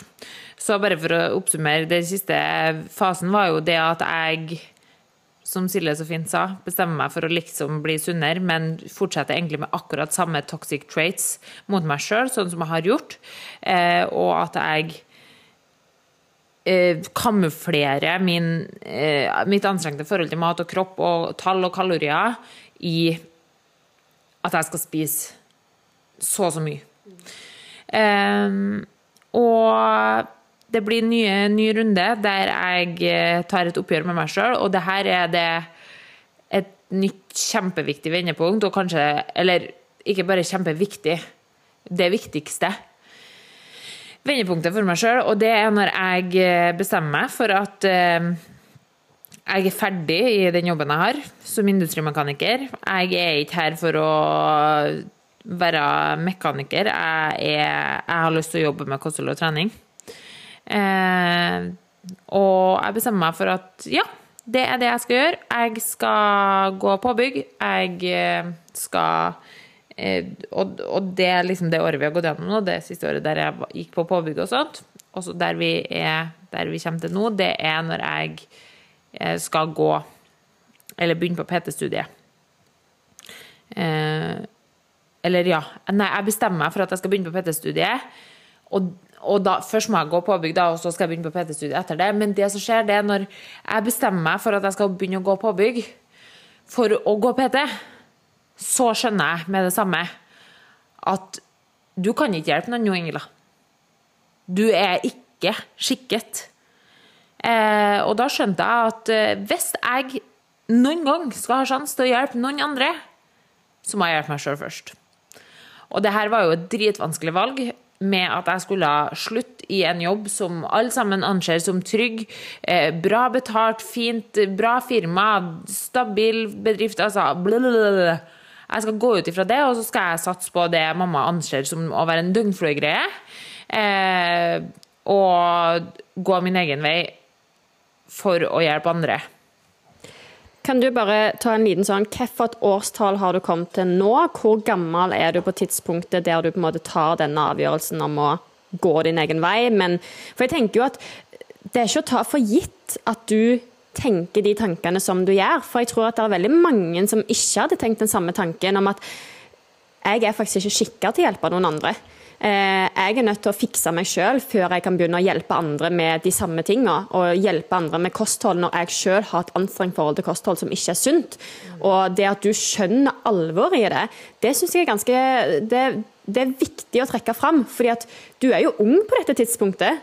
Altså, det er ikke Jeg tenker veldig mange som kan finne seg på et sånt sted, sted mentalt som du var da så er det nok veldig mange som hadde valgt å ikke tenke de tankene, fordi at det gjør jo òg veien videre veldig mye vanskeligere. Det er veldig sant. Eh, når jeg bestemmer meg for å gå PT-studiet, så er jeg 21. Eller jeg begynner på PT-studiet når jeg er 21. Eh, og da har jeg begynt denne prosessen med at uh, help myself. Og det gjør jeg egentlig litt imens. Jeg starter på en måte litt før jeg startet på PT-studiet, men det er jo en prosess som har vart siden. Eh, men i hvert fall høsten 2020 så bestemmer jeg meg for at OK, jeg, jeg må fikse meg sjøl. Og jeg husker jeg starta på skolen Jeg har ganske god husk på datoer. Jeg starta på skolen 17. august. Og da, da, la jeg bort vekta og sletta meg i fitnessspill 10. august samme år. Fordi da var det bare sånn Det er det første steget. Jeg kan ikke, liksom. Eh, og gjennom den sommeren òg, så hadde jeg på en måte ikke eh, Da hadde ikke jeg tracka og, og telt og sånne ting. Men så er det noe når hverdagen starter igjen, da. Da begynner man å tracke igjen òg. Ofte. Jeg gjorde i hvert fall det. Så da var det sånn OK, jeg må ei uke før jeg starter, så sletter jeg alt. Jeg begynte med eksponeringsterapi eh, for meg sjøl sammen med en venninne mi. Hun hjalp meg med det. Eller vi gjorde det liksom sammen. Ja. Her må vi bare forklare bitte litt sånn kort hva eksponeringsterapi er. Eksponeringsterapi for min del, det var For som sagt, jeg slutta aldri å eh, Eller jeg begynte aldri å liksom overtrene eller dra på ekstra trening eller slutte å spise mat fordi jeg hadde spist annen mat. Men det vanskeligste for meg, eller det som var min nemesis, det var når jeg spiste utafor det vanlige. Det, altså, alt av avvik var knas. Sjøl om avviket var fint eller bra eller whatever, så var det Jeg kunne liksom kjenne at jeg la på meg av eh, et, en drops eller en sjokoladebit eh, fra en Twist-pose, liksom. For det var et avvik, og da var det liksom Da var alt ødelagt, og da følte jeg det miserable. Men det var ikke sånn at jeg da droppa å spise kveldsmat eller noe.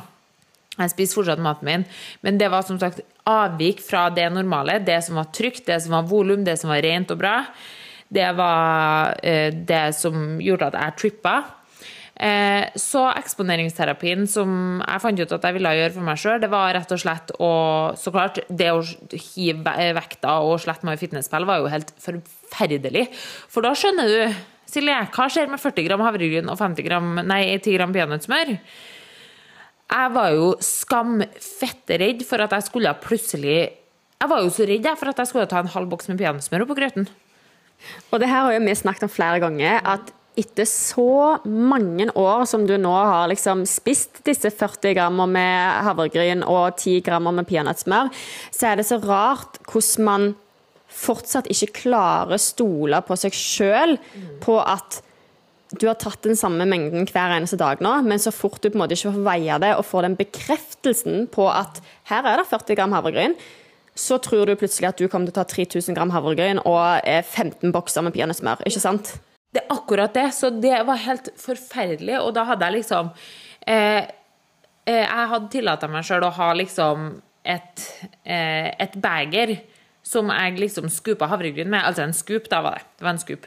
Eh, og jeg hadde funnet ut at liksom, hvis jeg tar ei toppa skje med det, så er det i hvert fall 40 gram.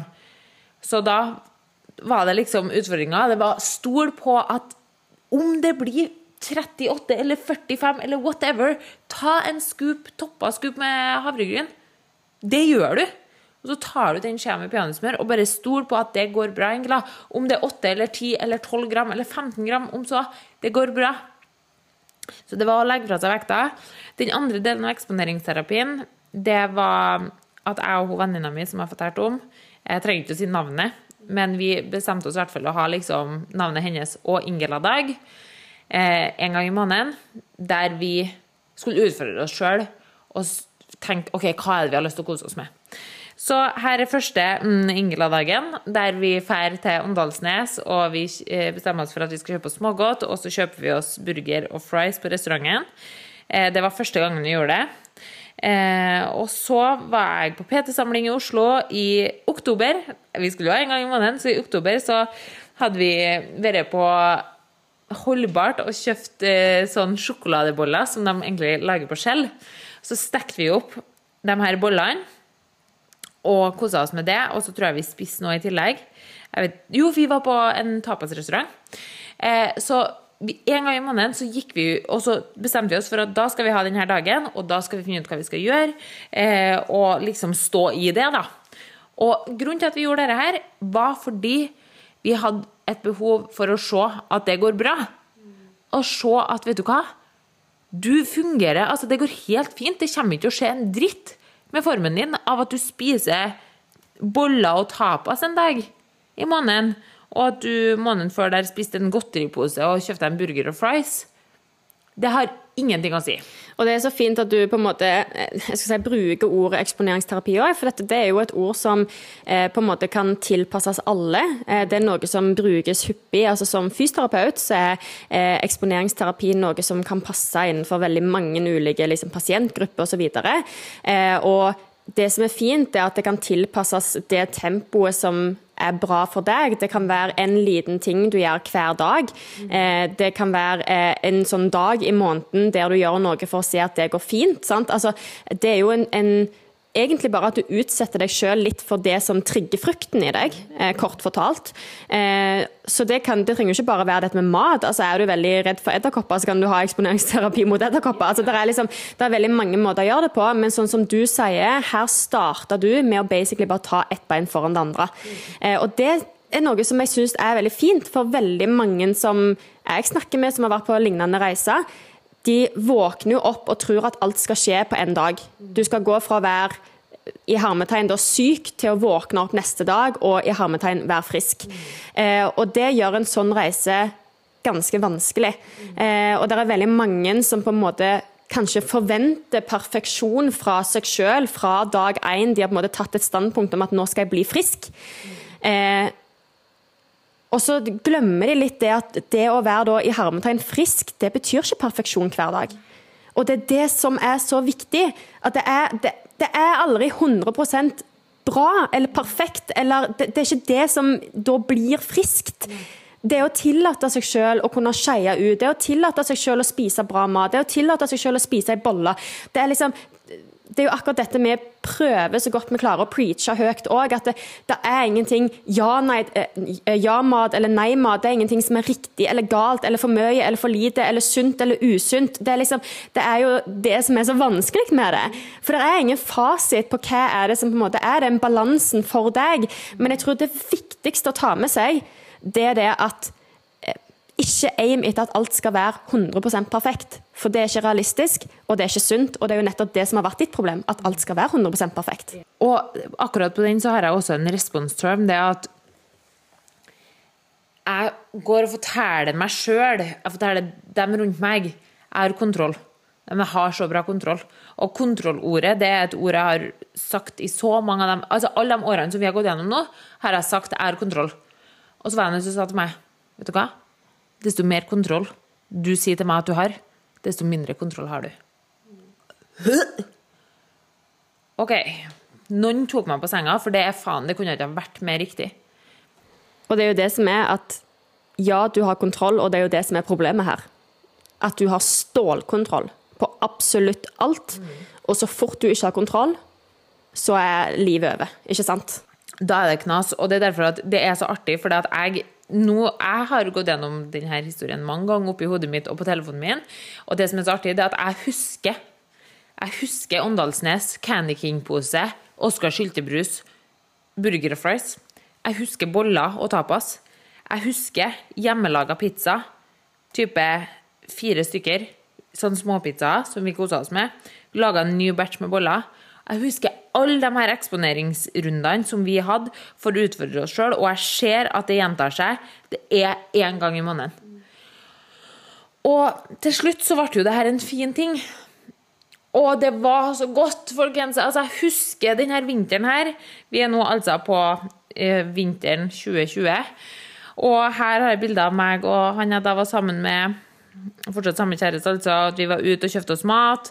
Eh, og jeg ser liksom all maten jeg har tatt bilder av her, så har jeg liksom Her har jeg ikke mitt peanøttsmør! Liksom, jeg har en hel banan på grøten min! Og jeg hadde aldri hatt en hel banan på grøten min før. Og det eh, høres jo helt sykt ut at jeg har tårer av dette her, men at jeg vet liksom at for den der så var det helt sykt å ha én banan på grøten. Og jeg bare ser på denne maten og tenker her har jeg nye formbilder. Og her har jeg faktisk gått tilbake og sett på den forrige videoen med eh, formbildene fra der det er piken. Og så skulle jeg ta en ny video. Eh, og her er det liksom Så ser jeg liksom at jeg har begynt å få på litt mer kropp. Og jeg bare husker hvor sykt skummelt det hadde vært. Men så er jeg så glad for at jeg har tatt de her bildene nå òg, for at jeg ser Jeg ser fortsatt at jeg er mindre enn jeg er i dag, men jeg ser liksom at livet begynner i hvert fall å komme tilbake i øynene. Ja. Det er bare så godt å se. Oi, så bra.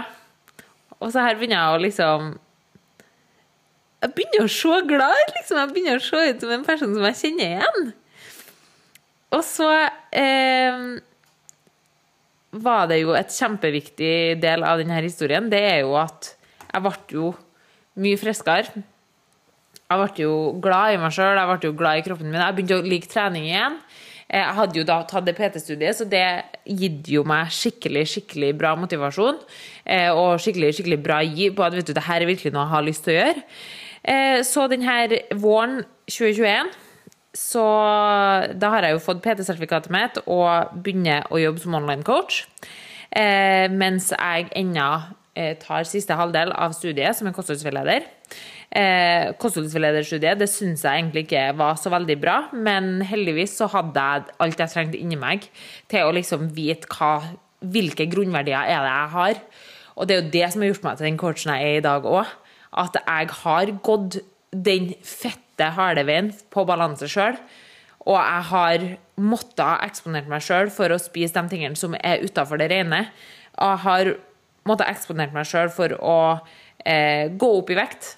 Eh, jeg har gått ned i vekt, jeg har gått opp, jeg har tracka, jeg har ikke tracka. Og jeg har også forstått hvor alt handler, som du har sagt nå, om det har, altså Ikke vekt, ikke hvordan du ser ut, men det er liksom den gnisten i øynene dine.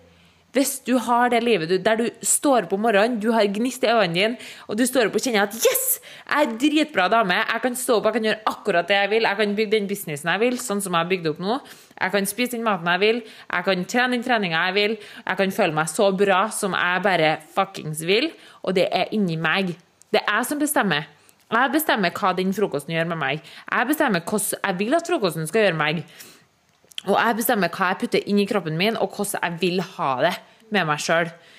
Det har også gjort til at siden jeg på en måte begynte som coach, så har jeg bare fortsetta med den eksponeringsterapien. Og det er fortsatt, så klart er det fortsatt dager der jeg føler på at det er utfordrende, og så klart er det dager der jeg eh, liksom lurer på om eh, faen, skulle jeg bare liksom eh, skjerpa meg litt, eller eh, sånn der. Men det er ikke noe interessant for meg å skjerpe meg lenger, for jeg har ikke en livsstil jeg trenger å skjerpe meg fra lenger. Jeg har ikke en livsstil jeg trenger å koble på lenger. Ja, og Det som er så viktig å, å trekke fram her, er jo at den reisen den stopper jo aldri. Aldri. Og, og, det er det som er så viktig, at jeg tror veldig mange, kanskje spesielt som f.eks. har eh, blitt diagnostisert med en type spiseforstyrrelse, eller hatt et eh, anstrengende forhold til mat, eller ja, uansett hva det skulle være, det kan være i helt andre sammenhenger òg, eh, men så går man gjerne og tenker liksom at en dag så på en måte skal du være frisk, Og så eh, derifra så på en måte Da er man frisk. Men, men jeg tror at Går du inn med en innstilling om at hver dag så skal jeg jobbe mot akkurat de tingene som du sa nå, du skal kjenne at du kan gjøre det du vil gjøre, du har overskudd til å gjøre det du vil, du føler deg bra, du er de beste venninna, du, du, du, kan våkne opp og kjenne bare en gnist i øynene. sant? Altså, Det er noe du må gjøre hver eneste dag. Fordi at Hvis ikke så kan man havne tilbake igjen. Og hvis ikke så Altså, Man skal aldri ta for gitt at man er frisk.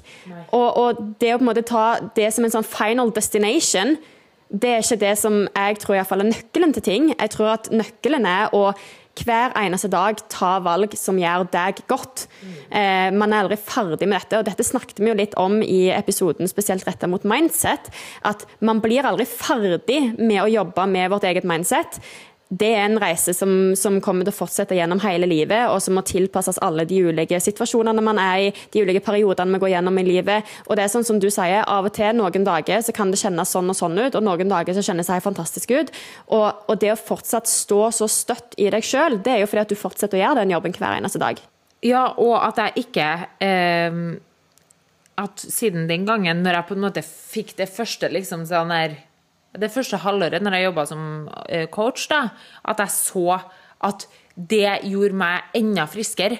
Fordi at jeg hadde flere å gjøre det for. Jeg har ikke unger, men kundene mine føles på ekte ut som ungene mine, og at jeg kjente at jeg har et ansvar å holde meg sjøl frisk, holde meg sjøl sane. Praktisere den balansen som jeg preacher til mine kunder, for å klare å være den beste coachen for dem.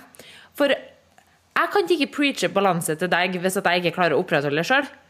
Og det var så viktig for meg, og at at jeg, at jeg, gjorde det da, og at jeg på en måte var så streng med meg sjøl at jeg ikke tillot meg sjøl å gå, gå den der usunne veien igjen, det var kjempeviktig. I tillegg, som dere vet, så var jo målet mitt med en gang, eller når jeg starta min business, var at jeg skulle komme meg ut av landet. Og det gjorde jeg jo eh, høsten der. Og da for jeg jo til Madeira i starten, og da for jeg sammen med en gjeng. Og um, da var det hun jenta i gjengen. Hun, skulle, hun, var veldig flink til å lage mat. Skulle lage havregrøt til oss. Og da kommer det, vet du. Og jeg husker det, og hun husker det garantert, hun òg. Jeg husker det i hvert fall. Så spurte jeg eh, hvor mye gram per pers, liksom. 50, sa hun. Og dere, da fikk jeg det på nytt. Og jeg måtte jobbe så jævlig med meg sjøl. 50 gram havregryn? Kødder du med meg? tenkte jeg inni meg. Det skal jo være 40. Det er jo eneste sannheten i mitt liv har jo vært at jeg skulle ha 40 gram havregryn, og det har jeg jo fortsatt med. Det å høre at jeg har 50 gram havregryn, og hun er, hun er dritflink til å lage mat, liksom. Så ordna jeg de fineste grøtene, de fineste smoothiebowlene. Men hun gjorde jo ting litt annerledes enn meg, og jeg spurte også hvor mye peanøttsmør. Så sa hun at jeg vet ikke. Han ble hatt på, og det var jo helt fantastisk godt, men det å bare Men takk til Takk i dag for at jeg spiste den maten hun laga, for det har hjulpet meg. Og Guess what? Jeg spiser 50 gram havregryn i havregrøtene mine nå. Så det er kjempebra. Men i hvert fall, eh, høsten vi reiser Jeg reiser jo, jeg er jo borte i ni måneder. Og jeg tenkte gjennom hele den turen Kommer jeg meg gjennom de her ni månedene der jeg ikke lager et enda måltid sjøl? Bortsett fra Madeira, men etter det Dubai, eh, Bali, Vietnam og Thailand. Jeg laga ikke et forbanna måltid sjøl. Og jeg tenkte, hvis jeg kommer meg gjennom de her månedene her, eller denne turen her, uten å lage et eneste måltid sjøl Du gir fra deg alt du har av kontroll. Du må bare stole på din egen sultfølelse, din egen metthetsfølelse. Ting som i mange av mine år var helt viska ut med, med maling. Så skal jeg plutselig stole på det. Jeg skal plutselig begynne å kjenne på metthetsfølelse, sultfølelse, behov. Hvordan mat er det som, hvordan er det maten får meg til å føle meg? Hvordan kan jeg velge så bra som mulig for å føle meg så bra som mulig og få til å gjøre de tingene? Få til å ha det energinivået jeg har mens jeg har en fulltidsjobb, mens jeg er i 30-40 grader og trener. Alt dette her tenkte jeg, hvis jeg, klarer, hvis jeg kommer meg gjennom det, da er jeg faen meg frisk, altså. Og vet dere, aldri har jeg vært så frisk. Og, eller altså på det tidspunktet når jeg kom hjem, da, eh, i mai 2022 Jeg var så jævlig stolt. Jeg har vært borte i ni måneder, og jeg føler meg steikbra. Jeg, eneste jeg tenker på i forhold til mat, er at jeg gleder meg å gå på matbutikk igjen. Men det var ikke fordi at jeg følte meg drit i kroppen min. Og det var en så sinnssykt stor mestringsfølelse. Og jeg bare skjønte at vet du, nå er du faktisk frisk, altså, Engela. Det er skikkelig, skikkelig bra. Og jeg gleder meg til å komme hjem og spise rent og god mat. Men det var ikke fordi at det var en flukt fra et helvete. Det var fordi at det var mat jeg gleder meg til å spise, fordi at jeg ikke har spist den på ni måneder. Og det var bare helt sykt. Sykt bra mestringsfølelse. Og bare for å ta det siste året òg, da, så for jeg jo til Bali igjen forrige høst. Eh, høsten 2022. Da implementerte jeg jo et, et ny faktor i dette her. Det var jo at jeg drakk. Altså at jeg drakk alkohol. Og det var jo noe som Det, det glemte jeg å si helt i begynnelsen, men jeg hadde aldri ungdomstida mi. Når folk begynte å drikke og dra ut på fest, så var jeg med på noen få. Eh, og ja, i russetida, men utover det så var jeg aldri ungdom. Jeg var aldri med ut. Hvorfor da? Nei. Én ting er at jeg, at jeg holdt på å bygge en business på eh, deler av tida, men før jeg begynte med den businessen, så var det én og alene av de kaloriene jeg ikke ville drikke. Jeg ville ikke, jeg, jeg måtte trene, jeg, skulle, jeg hadde jo annen mat, jeg skulle jo skritt. altså. Så det, når vi for på Bali, eller når, ja, når vi for på Bali i fjor høst, så var jo det et av våre mål. Og det snakka vi jo om at Ingela skal ut og være ungdom igjen. Og det gikk jo så bra, og jeg var jo der et halvt år, og jeg drakk, og jeg spiste mat på restaurant, og jeg var ungdom, og bare Det gikk helt bra, det òg. Og nå er jeg Jeg er så avslappa i hodet mitt, i kroppen min, i hjertet mitt, i stressnivået mitt knytta til mat er lik null. Jeg er ikke redd. Jeg er så trygg. Jeg er så avslappa, og jeg er så sykt stolt. For når jeg tenker, på, når jeg tenker tilbake på det, så tenker jeg på fy faen, hvor fælt jeg måtte ha hatt det. Hvor, mye, hvor sinnssykt mye følelser jeg har hatt knytta til det her. Hvor mye faens tid og energi jeg har brukt på å ha det drit rundt mat. Og så nå bare kjenner jeg sånn Altså, se for dere en, en, en dovendyr. Så avslappa er jeg i forhold til dette her, og så trygg er jeg på meg sjøl til at det går bra. Det er ingenting i meg som får meg til å få panikk lenger. Jeg må jo bare skyte inn her òg at det som er veldig spesielt for på en måte meg som egentlig ble kjent med deg når du hadde kommet deg relativt bra i gang på den reisen, da, det er jo det at noe Altså, det er to ting jeg tenker på ofte når jeg tenker på deg. Og den ene har jeg sagt, det er solstråler. Og den andre er jo at jeg kjenner ingen som har en sånn matglede som det du har. Måten du elsker å kutte opp grønnsaker til tacoen på. Måten du lager en havregryn som at det er det eneste du skal gjøre resten av ditt liv. Måten du ringer meg for å beskrive et måltid med bilde og ord og lyder og bare liksom Altså, jeg kjenner ingen som er så dedikert og matglad som det du er. Og det å tenke at hvor du kommer fra altså Jeg må bare si til dere som hører på nå altså Det, det er ingen grense.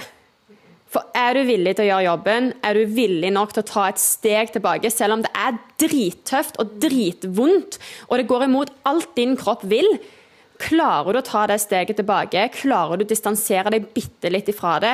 Og hvis du i tillegg da er heldig nok til å ha mennesker rundt deg som tør å ta tak i deg og si hei, stopp en hal, nå begynner ting å gå ut av kontroll. Og det er beintøft å høre, og du har mest sannsynligvis lyst til å bare rope ut nei, jeg har kontroll! Ikke sant?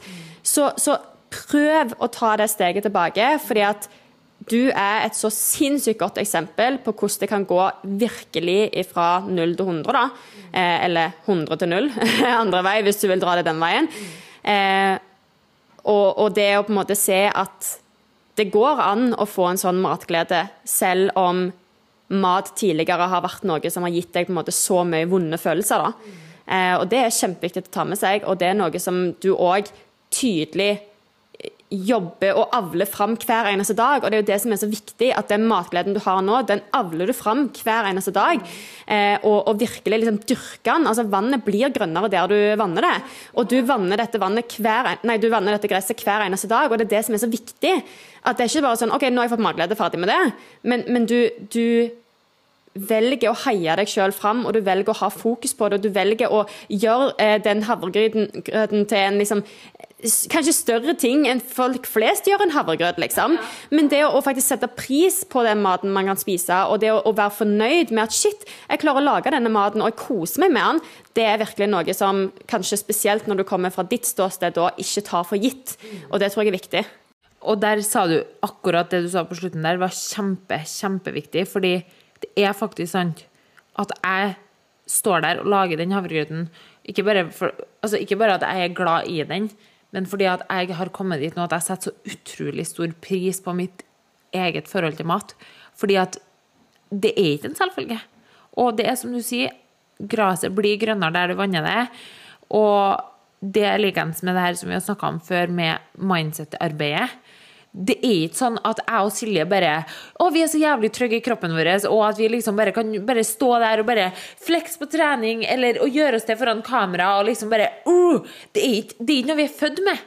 Det er, ikke, det er ikke bare sånn automatisk at vi våkna opp en dag og kjente oss drittrygge i kroppen vår, men vi har jobba, og vi har hatt så mange indre dialoger, og vi har tatt ene foten fram den andre i så mange år på rad. Og det gir resultat til slutt.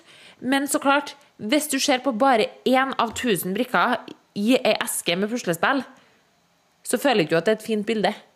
Jeg syns at det er helt sykt bra at du deler denne reisen her, og jeg tror det var bra for deg òg å liksom virkelig gå gjennom den, eh, snakke gjennom den. Vi har jo snakket om på en måte flere ting om din reise tidligere, men jeg tror bare det å på en måte få få en litt sånn skikkelig gjennomgang for deg sjøl òg, og sortere tankene og følelsene dine rundt de ulike periodene som du har vært i.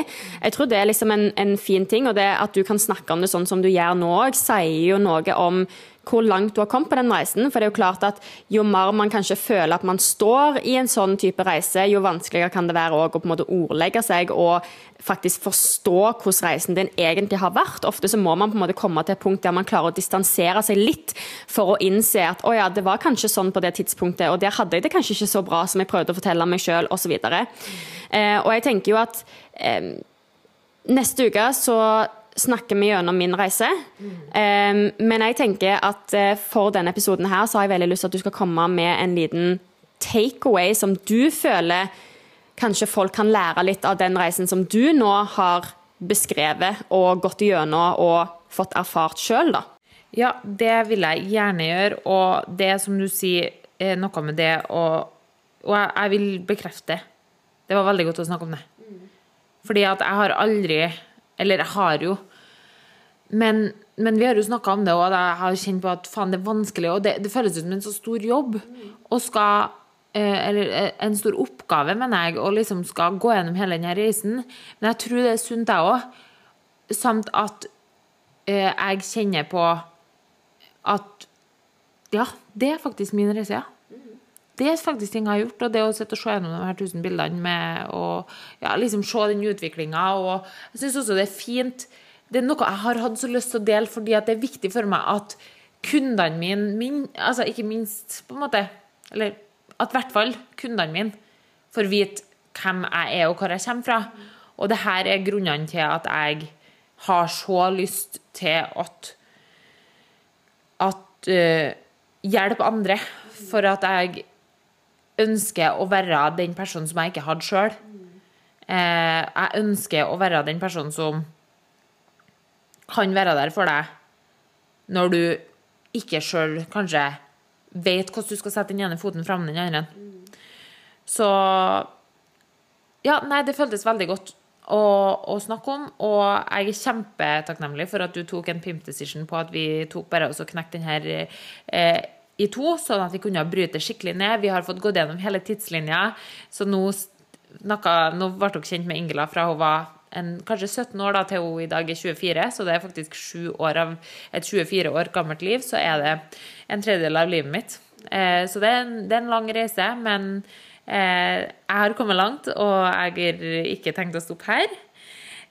Så jeg gleder meg virkelig til at vi får høre din reise neste gang, og jeg syns det var veldig rett avgjort av det, at vi delte opp sånn her. Og det føles godt ut, og jeg gleder meg. Jeg skulle egentlig ønske at vi hadde bedre tid nå, så at vi kunne bare tatt en pause og så filma din, men sånn er det. Um, OK, en liten pimp decision. Nei, en liten takeaway. Det tror jeg skal være det at det er ingen, ingen som kommer til å gjøre jobben for deg. Du må ta ansvar for ditt eget liv. Det er det, viktigste, tror jeg. Altså Ja. Det, det, åh, det er liksom sånn Du skulle ønske at det ikke var sånn, fordi det er så mye enklere hvis noen andre bare kunne liksom bestemt det for deg. At eh, nå gjør vi sånn. Nå blir det sånn.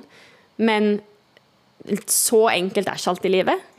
Og selv om kanskje noen av ønskene dine for framtida kan være kjempeskumle eller vanskelige, eller bare, bare stol på deg sjøl om at du er viktig nok til å gjøre den jobben og ta det valget. Det, det er liksom det viktigste å huske på. Det at du, du er verdt det. Du er verdt den jobben som ligger foran deg. Du er viktig nok til at de valgene som du har lyst til å ta for deg sjøl, de er verdt å ta. Åh, det var en dritbra, dritbra eh, input det der òg. Så ingen kommer til å gjøre jobben for deg. Du må ta ansvar for ditt eget liv, og du er verd å gjøre den jobben som ligger foran deg. Som du la til her på slutten. Det var dødsbra. Og det er jeg så enig i. Du er så verd det. Og ja, det kommer til å være tungt, men eh, det kommer ikke til å bli noe lettere hvis du venter til i morgen. Og det er ingen som kommer til å komme og banke på døra og si du, skal vi ut og skal vi ta tak i livet ditt? Mm -mm. Kommer aldri til å skje. Så hvis at du har noe, uansett hvilket aspekt det er i livet, hvis det er noe du har lyst til å endre på, så er det du som må gjøre jobben. Og det kommer til å være verdt det. Yes. Det ble eh, god, god um, tid her. Eh, men eh, takk for at jeg fikk lov til å snakke. Og det her var jo grunnen til at vi starta podkasten, for at vi skulle ha et talerom som dette her. Og det er kjempe, jeg er kjempetakknemlig for at eh, vi har det, Silje. Ja, jeg òg. Og tusen takk for at du ville dele din historie, som er kjempeviktig og kjempefin og vanskelig og alt på samme tid. Eh, så jeg tenker rett og slett med det Nå har du fått liksom gått gjennom ting. Eh, dere som lytter på, jeg håper at dere hvis dette er en reise som du kanskje kjenner deg igjen i, at eh, du nå har den personen som kanskje Ingela følte at du ikke hadde. Eh, og som alltid så er vår innboks òg åpen på Instagram hvis det er noe som dere tenker på etter denne episoden her. Hvis det er noe dere har lyst til å dele, eh, så syns vi at det er så fint. Eh, og ja, vi er jo som alltid tilbake igjen på fredagsmorgen. Og da kommer det en ny episode. Og hvis du satt pris på denne episoden, her, så setter vi også veldig mye pris på om du har lyst til å legge igjen en eh, review av podkasten vår der som du lytter på den. Husk å følge podkasten vår, så får dere notification når det kommer ut, eller sånn varsel da, når det kommer ut en ny episode.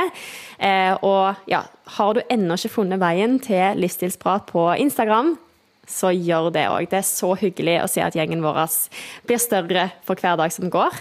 Eh, og så må jeg bare snike inn en liten ting, og det er at det er så mye spennende i vente for denne podkasten her gjennom denne høsten. Eh, så vi er så takknemlige for så mange av dere som lytter på denne podkasten og følger med oss og eh, deler deres tanker, stiller spørsmål og er så aktive som det dere er. Og vi lover at gjennom denne høsten her eh, så kommer vi til å uppe det enda et hakk. Det stemmer, Silje. Og jeg må også bare si tusen takk for verdens beste samtalepartner å få lov til å gå gjennom denne reisa med. Alltid, liksom. Alltid. Eh, og folkens, neste uke så skal vi få høre Silje sin historie. Eh, noe som jeg gleder meg veldig til. Og jeg håper at dere kommer tilbake da for å høre den. Eh, takk for at du out outtroa outtroa oss. Eh, den var veldig fin. Eh, jeg tenker Det her var dritbra, og jeg føler meg uh, letta. Skikkelig godt. Takk. Takk, Silje. Og takk for dere som hørte på. Tusen takk, Ingela. Og eh, jeg tenker bare med det så runder vi av for i dag. Og så skal vi bare flyte videre på denne her fantastiske følelsen av å ha snakket ut om dette. Eh, og så skal vi faktisk dra videre og trene sammen og ha litt venninnedag. Det blir skikkelig skikkelig bra, så jeg håper at du som lytter på får en helt fantastisk dag videre. Helt enig med deg, Silje. Eh, vi sier det sånn, og så går vi på trening, kicker som ass, filmer litt content. Det blir dødsbra. Håper alle sammen får en kjempefin dag og en kjempefin uke, og så høres vi neste uke. Ha det bra!